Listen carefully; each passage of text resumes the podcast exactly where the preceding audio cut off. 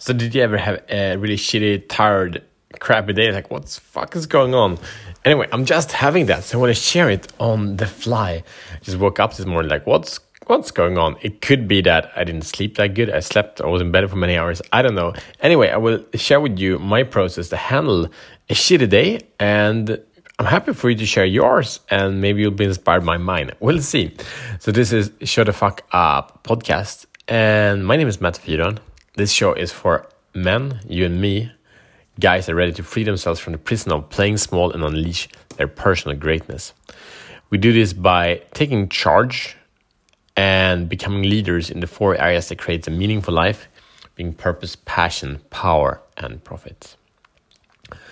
So to tell you the story, I woke up and like body feeling weird, and then after that, you know, my motions started feeling weird. I went for a workout and did a morning routine, but like could do it, but it's still feeling very, very, very, very off. So like, what's going on? What's what's happening here? So I've been doing some uh, self coaching and doing a bunch of different processes. I've been doing the King's Court I shared about some days ago. I've been like writing or journaling about everything. I was like, what's going on?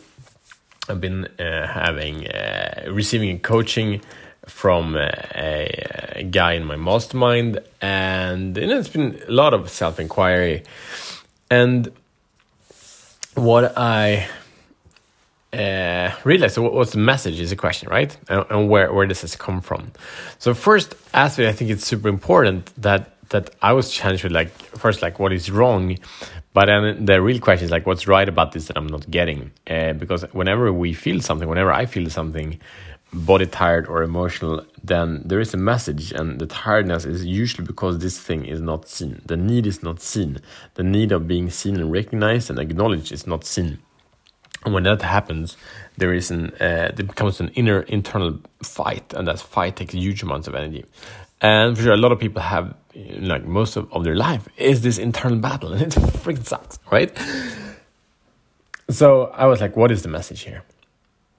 And what I part of, of what I could harvest was um, one thing that to speak up for my message more, to show the fuck up to my mission more than I do today. Uh, I've been utilizing some strategically very consciously to build a program that took me out of, of, of, showing up, except, you know, the daily showing the fuck up to you guys. Thank you for being here, by the way. and the other part was that I'm gonna uh, again. I had a one and a half hour mastermind call where I got support today, and today I'm having a two hour coaching session with my coach. And uh, this weekend I will have a, like a, a spiritual uh, retreat for basically 48, 50 hours. And So then I realized that the things I'm most long for, being like that kind of intense community, uh, that is right around the corner so I um, will get that holding um, or get support, meaning that I can relax of myself that otherwise I hold up myself. So I'm realizing is like I can actually relax into this of being tired, of being feeling really slow, and I love that part about me, as in there is uh, clarity, there is an answer, and I just got super clear with with the with the coaching I received on the mastermind.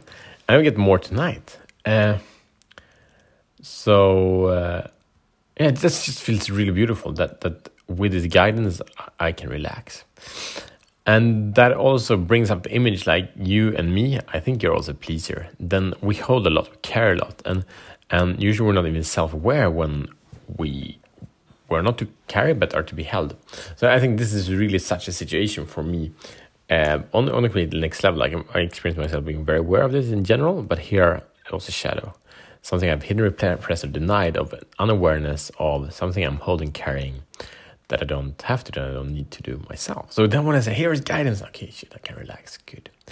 And by that, really uncovering, so the message here, my invitation, really like harvest this state feeling tired and, and, and contemplating that and through that contemplation really get clarity on what I need to be served mostly while receiving coaching tonight, for example. So, takeaways there is a message, and in all feelings, emotions, experiences. And uh, second part is what support, what context do you need or do I need to be able to let go of the things that I don't want to carry anymore?